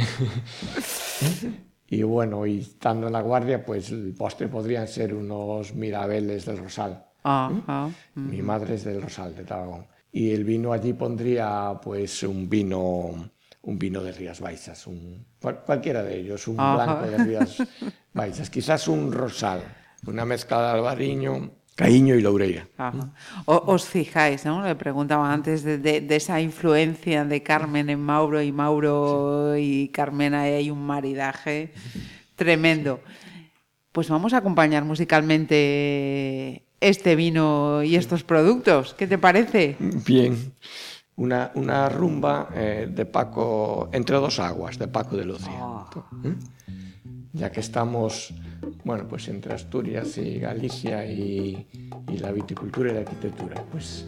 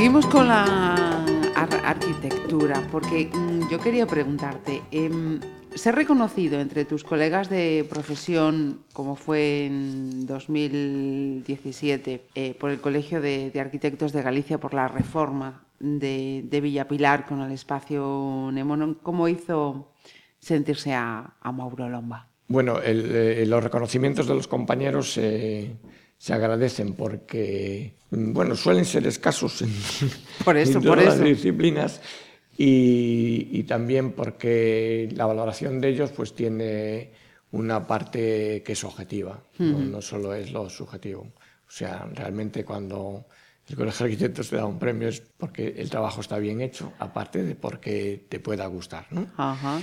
En el caso de, del espacio Nemonón, bueno, me ha gustado, fue cuando empezaba con ese espacio, ese espacio que es mi propio estudio, que, en el que eh, proyecto o planteo eh, mi filosofía de, del desarrollo de mi trabajo de la arquitectura, que es estar atento a lo que ocurre en el resto de la sociedad y las personas. O sea, es establecer una relación transversal con otras disciplinas, Disciplinas. creativas en un sentido amplio, que van desde la cocina que hablábamos, o la moda o la costura, eh, a la poesía, o a, A la danza, a la música, la la danza, pintura, la la música, escultura. exposiciones de pintura, de escultura, y todo eso pues me permite a mí pues eh, mantenerme vivo, eh, estar atento y responder desde mi disciplina, eh, teniendo en cuenta el proceso creativo de otros artistas. Ajá. Eh, a, a mí me interesa eh, mucho disfrutar con otras. No soy capaz de estar encerrado solo en la arquitectura, aunque mi pasión es la arquitectura, pero siempre estoy jugando a un doble lenguaje. ¿no? Por ejemplo, el espacio del que estás hablando, eh, la sala mm, eh, Nemonón, donde hay muchas exposiciones, el techo que llama mucho la atención. Es un techo que está estudiado acústicamente, pero que realmente está inspirado en las cajas de vino, como un homenaje a, a, A Mari Carmen. Carmen. ¿no? Y es como un sistema de tablas mecanizadas con tapas que se mueven que permite cambiar el aspecto del techo y también mejorarlo acústicamente. ¿no? Y las bolas blancas, las, las lámparas, las luminarias, realmente es un racimo de uvas Ajá. dentro de las cajas de vino. Entonces, esto si no lo cuento, nadie lo No sabe. se entiende, no percibe, ¿no? Pero esa idea a mí me permite llegar a una solución que puede resultar especial o singular. Y yo hice mi trabajo de arquitecto, pero me he inspirado Ajá, en, esas otras, en esas otras cosas. ¿no? Sí, señor. Eh, la Junta te había propuesto en 2013 como premio Arquitectura Española por este trabajo, ¿no? De las pausadas de Ribadumia y, y Armenteira. Y el devenir político, pues se ha puesto, vamos a decir que, que nubes grises, ¿no? Sobre, sobre ambos proyectos. ¿Dónde eh, os coloca eh, profesionalmente eh, la política en, en casos, por ejemplo, como, como este? Es una buena pregunta y voy, intentar responderla. Vamos a ver, eh, yo soy eh, arquitecto para cualquier tendencia y forma de pensar. Tengo un abanico abierto de clientes que van de un extremo al otro. Y entonces yo cuando tengo un cliente me da igual que sea de derechas, que de izquierdas, que de centro. Yo voy a responder con mi mejor profesionalidad y con mi arquitectura Ajá. a la que me piden. Eh, esas dos obras efectivamente eh, las presentó la Junta eh, a- para el Premio eh, de Arquitectura Española. Y estuvo bien, además quedé muy contento y es un reconocimiento solamente el hecho que las presente para eh, agradecer. Respecto a las pausadas, yo hice, yo hice dos. Hice la pausada de Ribadumia y la pausada de Armenteira. Cada una inspirada en un tema distinto. La de Ribadumia, que está sin estrenar y tiene 10 años acabada, está inspirada en los viñedos del Salnés, con pastas graníticas de 4 metros y medio, realizada con piedras mecanizadas por control numérico, pero que en la puesta en obra los canteiros del lugar abren las pastas en dross y entonces cada pieza de piedra pasa a ser única y aporto eh, algo que me interesa muchísimo en la arquitectura y es el mantenimiento de los oficios, la recuperación de los oficios que están perdidos. ¿no? Y es una obra de arquitectura contemporánea que, aun estando hecha muchas cosas por control numérico, los canteros tienen que acabar de personalizar y hacer que las piezas no Sean repetidas, sino que sean únicas.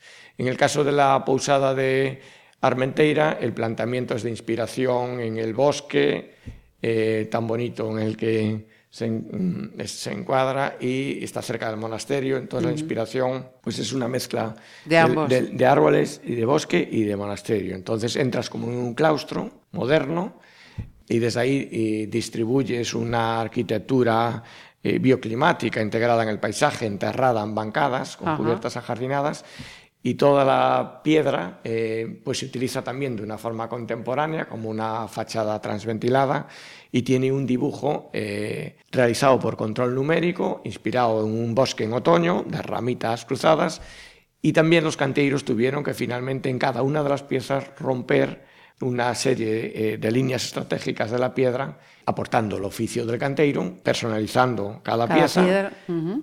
y, y, manteniendo los, los oficios eh, tradicionales. Que se sí, sí, sí. Eh, políticamente, eh, tengo que decir que, que, vamos a ver, al margen de que cada grupo político, cuando le toque gobernar, que sí que tiene que gobernar para todos, uh -huh. al margen de que tenga unas prioridades o una política diferente, que lo entiendo, porque eso gana, lo que no podemos es que cada vez que se cambia, eh, rechazar o anular eh, todo lo que han hecho los anteriores. Uh -huh. Si tú no estás de acuerdo con ese proyecto que se había realizado, lo que tienes es que reciclarlo para ponerlo en valor, ponerlo uh -huh. en uso, porque es dinero público que eh, está invertido y que tiene que dar eh, uno, un servicio a la población. Uh -huh. eh, y entonces, digo esto en un sentido o en el otro. ¿eh? Sí, sí, sí, sí. aquí no, no estamos particularizando a nadie. Y en ese sentido, esas dos obras, bueno, junto un poco con otras obras de mi trayectoria en piedra en Galicia, pues en aquel, hace tres años, pues me llevó a que eh, una revista alemana eh, eh, que se llama Stone Ideas, ¿no? uh -huh. Ideas en Piedra, pues me invitaron a dar una conferencia, conferencia. en el Congreso uh -huh. Mundial de la Piedra de Xiamen, en China. Uh -huh. Y ahí la anécdota que tengo, que la voy a contar aquí, Te lo agradezco. es que, bueno, cuando me invitaron estos alemanes pues me dijeron que la conferencia tenía que ser en inglés. Y claro, a mí me encanta hablar y hablar de mi trabajo, pero en inglés nunca había hablado y no estoy acostumbrado y el inglés que sé es muy, muy precario eh, y me permite coger un autobús y comer y poco más. Pero para mí era un, un nuevo reto. Uh -huh. Y dije que sí, y faltaba mes y medio para la, para la conferencia. conferencia. Entonces llegué a casa y Miguel, Pablo y Mari Carmen pues echaron a reír y dijeron, pero papá, hombre, ¿pero a dónde vas? Y les dije, tengo, tengo que hacerlo. cincuenta y tantos años, este es un nuevo reto, uh -huh. lo voy a hacer y lo voy a hacer bien. Sobre todo, eh, primero, para que ellos viesen ese reto que yo me imponía uh -huh. a mi edad, eh, que era lo que insistía mi, mi padre, y también porque siempre estoy diciendo, la gente está quejándose de todo, todo el día en general. Nos estamos quejando y nos quejamos con razón, uh -huh. pero frente a esa queja tienes que proponer algo o hacer algo. Y, y, no tiene que ser nada especial, cada uno con su discreción, uh -huh. en su trabajo, con sus amigos, tiene que ir proponiendo y haciendo sus metas. algo. ¿no? Uh -huh. Entonces, yo soporto y me gusta y me gusta que en Nemonón ocurran eventos de todos los ámbitos y tendencias, de hecho están ocurriendo, porque es gente que propone cosas. Y yo no, no coincido con, con, el pensamiento uh -huh. de, de, todas, de lógicamente, todos. Sí, sí, sí. pero me gusta que ocurran todas y que sean diferentes. O sea, porque el respeto a la diferencia eh, es, lo es que fundamental. es fundamental. Y entonces, si tú te quejas, haz algo y proponlo. Y no pasa nada que cometas un error y te equivoques. Pero haz algo y, proponlo y hazlo. Y, y, eso fue lo que tú te planteaste. Y, y eso fue lo que me planteé. Y nada, lo que la estrategia fue que preparé la conferencia, se la pasé a un, a un traductor y luego se la pasé a, a tres personas, eh, a dos nativos y, de habla inglesa y otro nacional, pero que había vivido mucho tiempo también en Inglaterra. Eh, bueno, dos fueron sobrinos míos, una sobrina y un sobrino que hablan muy bien inglés y otro fue un, un profesional. Y me la grabaron. Eh, me la grabaron, me la escucharon y luego la grabaron y yo me la llevé en los cascos durante mes y medio en el coche, en la cama, escuchando todo el tiempo. Claro, eh, sabía que era un reto, que era difícil, por un lado, me daba miedo, eh, o sea, el atrevimiento, porque me recordó alguna, algunos eh, políticos que han hablado a veces y todo el mundo se ríe de ellos, pero eh, aprendí también a valorarlos. Eh, a veces hay que hacer las cosas y lo importante en el idioma es comunicarse y comunicarse. Y bueno, yo llegué allí, la conferencia eh, ponía en valor Galicia, eh, la arquitectura gallega, la tradición, la cultura, les conté cómo mi visión artística de Galicia en tres colores era eh, gris, verde y azul, o sea, es una gran roca de piedra cubierta de un manto vegetal verde y mucha agua. Ajá.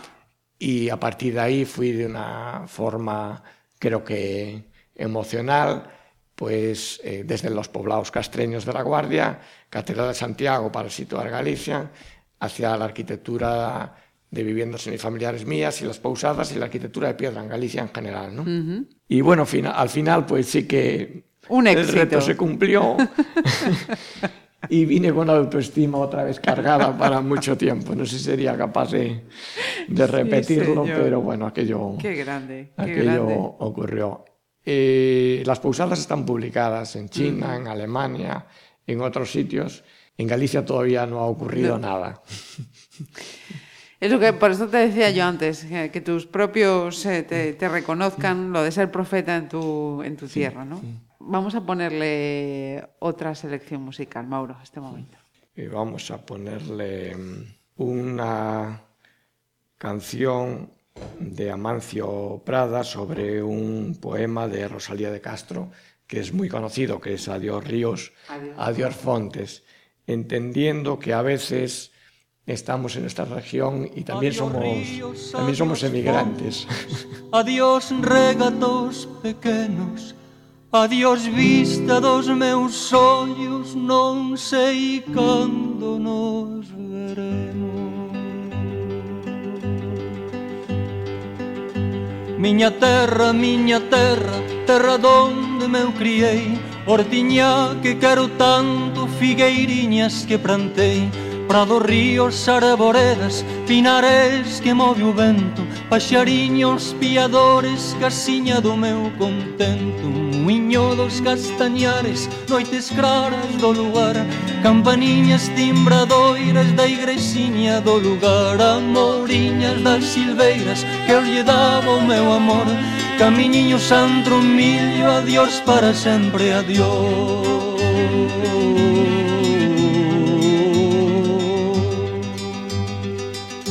Adiós gloria, adiós contento, deixo a casa onde nascín, deixo a aldea que conoso por un mundo que non vin, deixo amigos por extraños, deixo a veiga polo mar, deixo en fin canto ben quero quen pudera non deixar.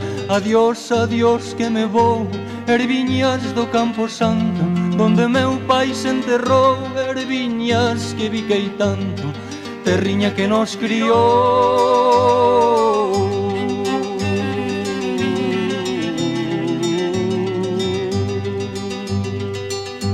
Xa sollan lonxe, moi lonxe, as campanas do pomar. Para min hai coitadiño nunca máis han de tocar. Xa sollan lonxe, máis lonxe, cada bala dá un dolor.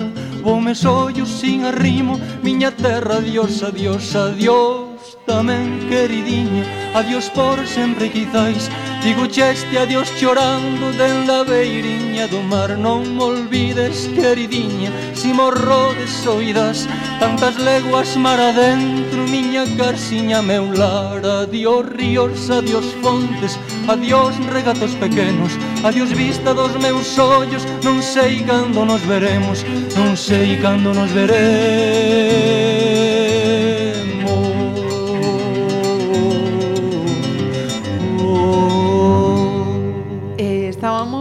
Citando al espacio Nemonon, que como bien has dicho, alberga todo tipo de, disciplinas. Eh, esto yo tenía una curiosidad, ¿fue una propuesta de, de Mauro o habíais, y cuando digo habíais, eh, sois tú y Carmen, visto esa necesidad eh, en la ciudad?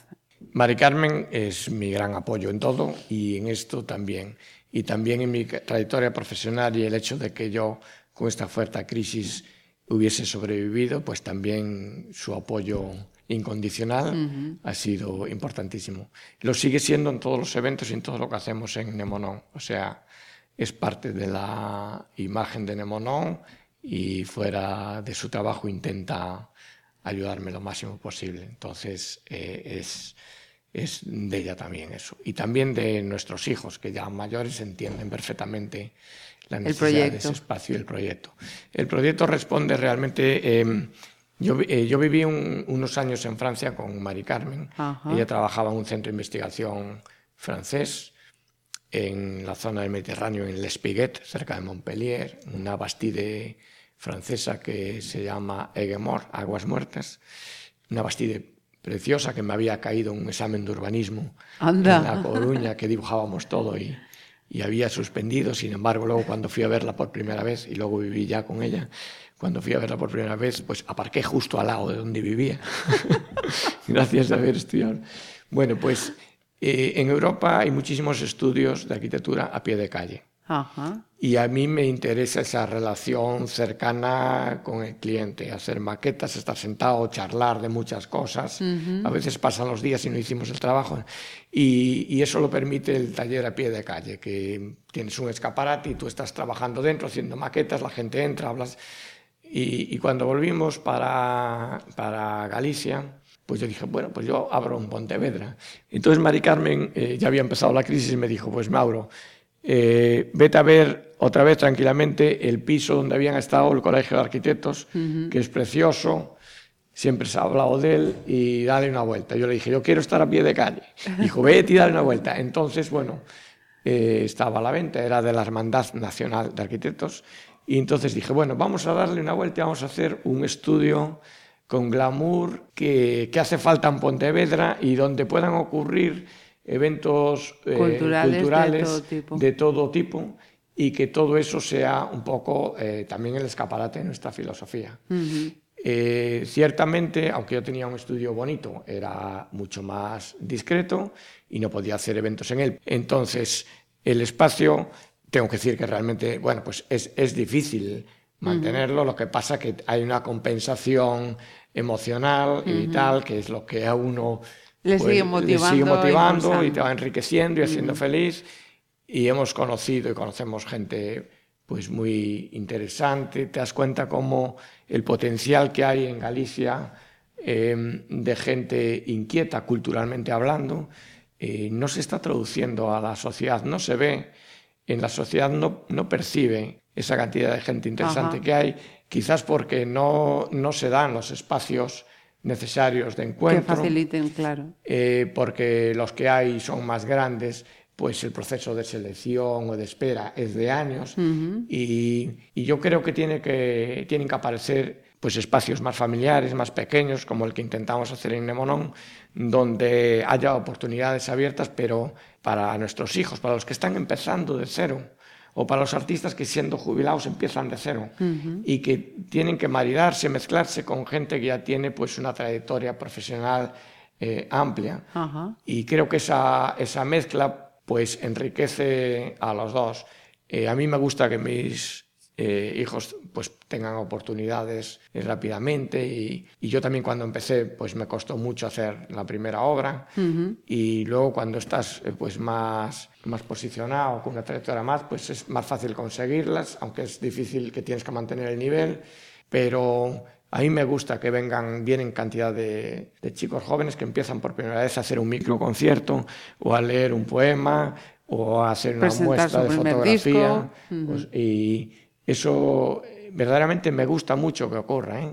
Tengo, perdona un momento, sí, tengo, sí, por favor. tengo que decir en ese, que en ese espacio eh, eh, hubo muchísima gente que me ha ayudado. Por ejemplo, el Ateneo de Pontevedra, eh, con, eh, uh -huh. con Jaime Toso y con Antón Sobral sí. y con otros, pues eh, desde el primer momento Antón se me presentó y tal y, y yo abrí también eh, el espacio a colaborar con ellos. Me parece muy interesante muchas de, muchos Las eventos que hacen, que hacen y, sí, y sí. allí está el espacio. El espacio se disfruta compartiéndolo uh -huh. y tal. Y, o por ejemplo eh, Manuel Morquecho que está en Cultura de la Universidad de Vigo. Ajá. A veces me, no podría decir ahora todos los nombres porque hay artistas también que me han apoyado de una forma u otra y ayudado para que ocurran cosas allí eh, muy, muy interesantes. ¿no? Y bueno, pues tengo que agradecer también el apoyo de, De toda todos ellos. gente, sí. Ujú.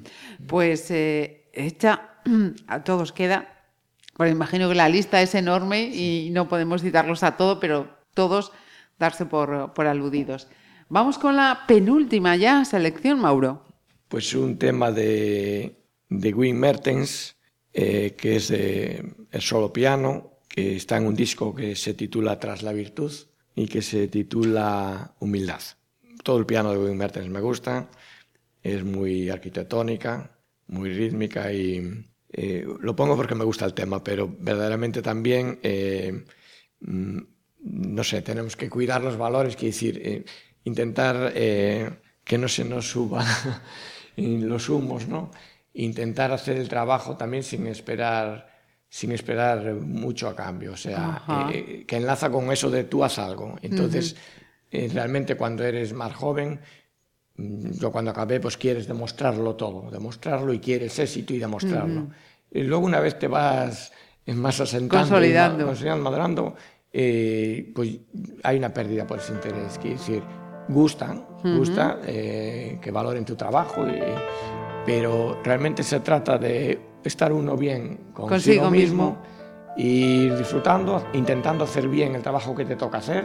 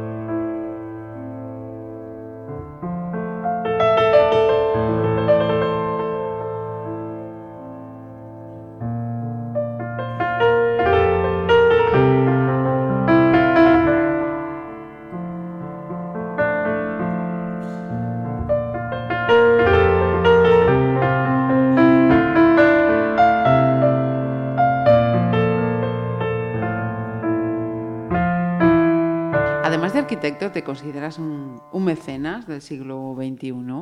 No, no. O sea, hay gente que me lo dice, pero no.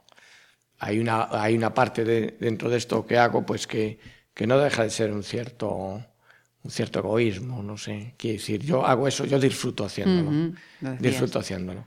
Eh, por otra parte, em, me da visibilidad profesionalmente.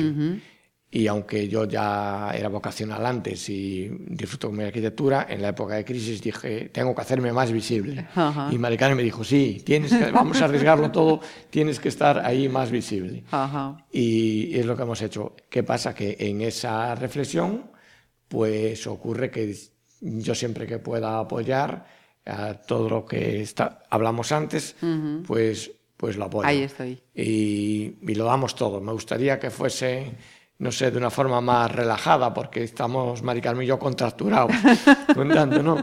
Pero, y en ese sentido, pues, Ajá. pues lo damos todos, sí, sí.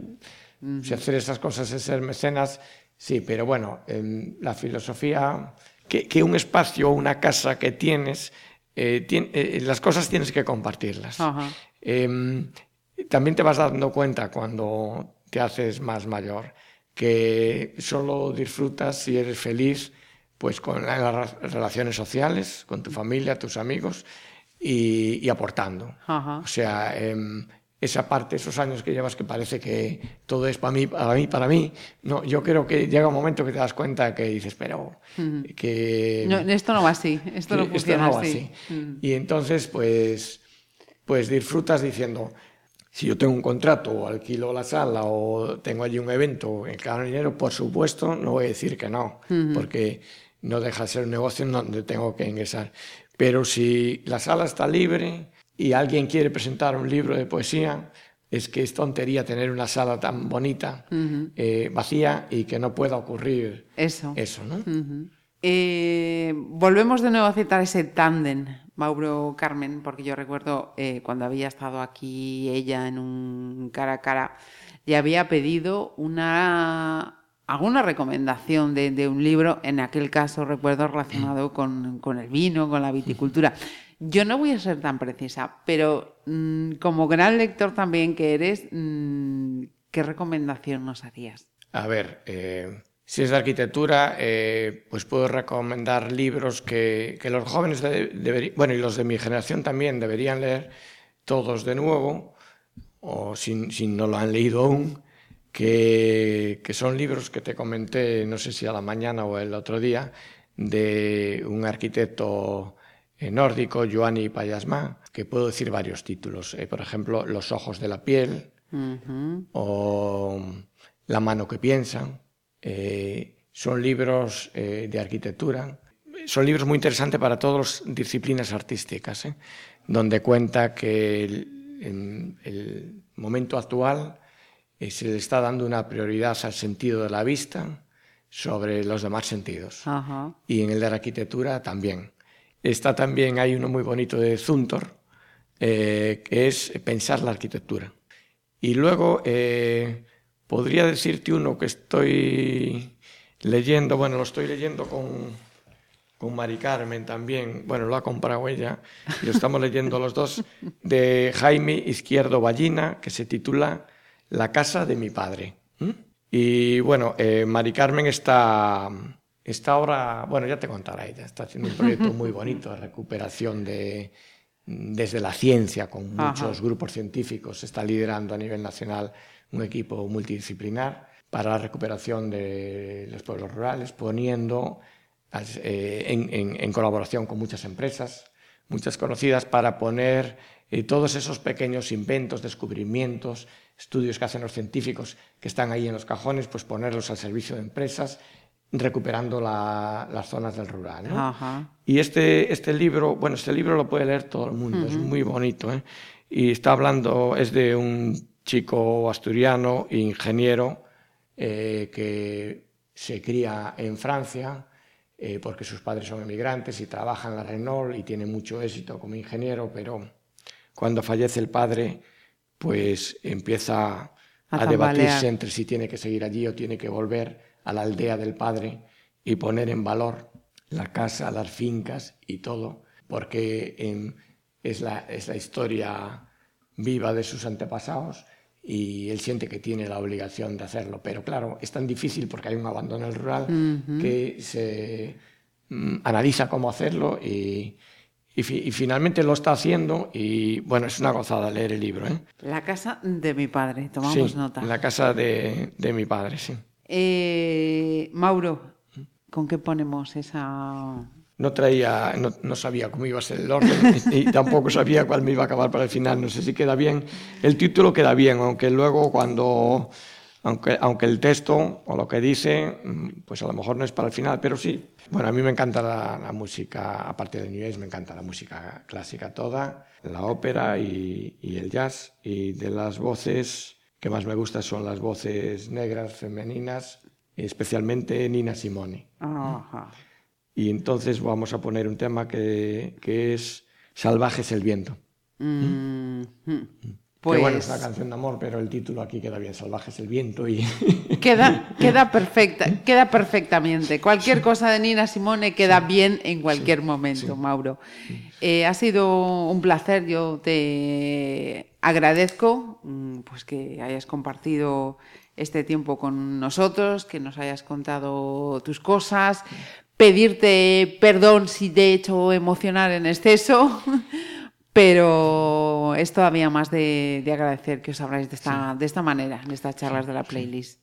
Muchas gracias a ti, Marisa, y a vosotros, a Pontevedra Viva, por contar conmigo para, para esta charla. Estuve muy cómodo. Es cierto que me emocioné porque empezamos fuerte.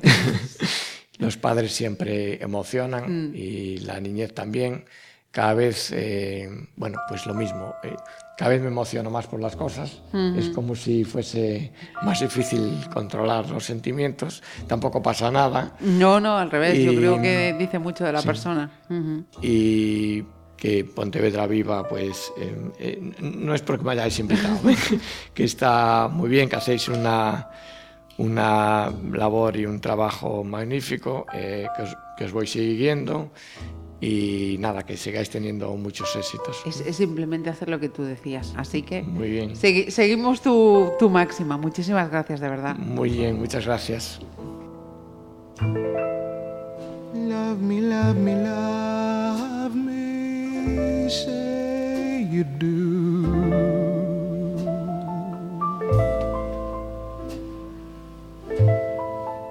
Let me fly with you. For my love is like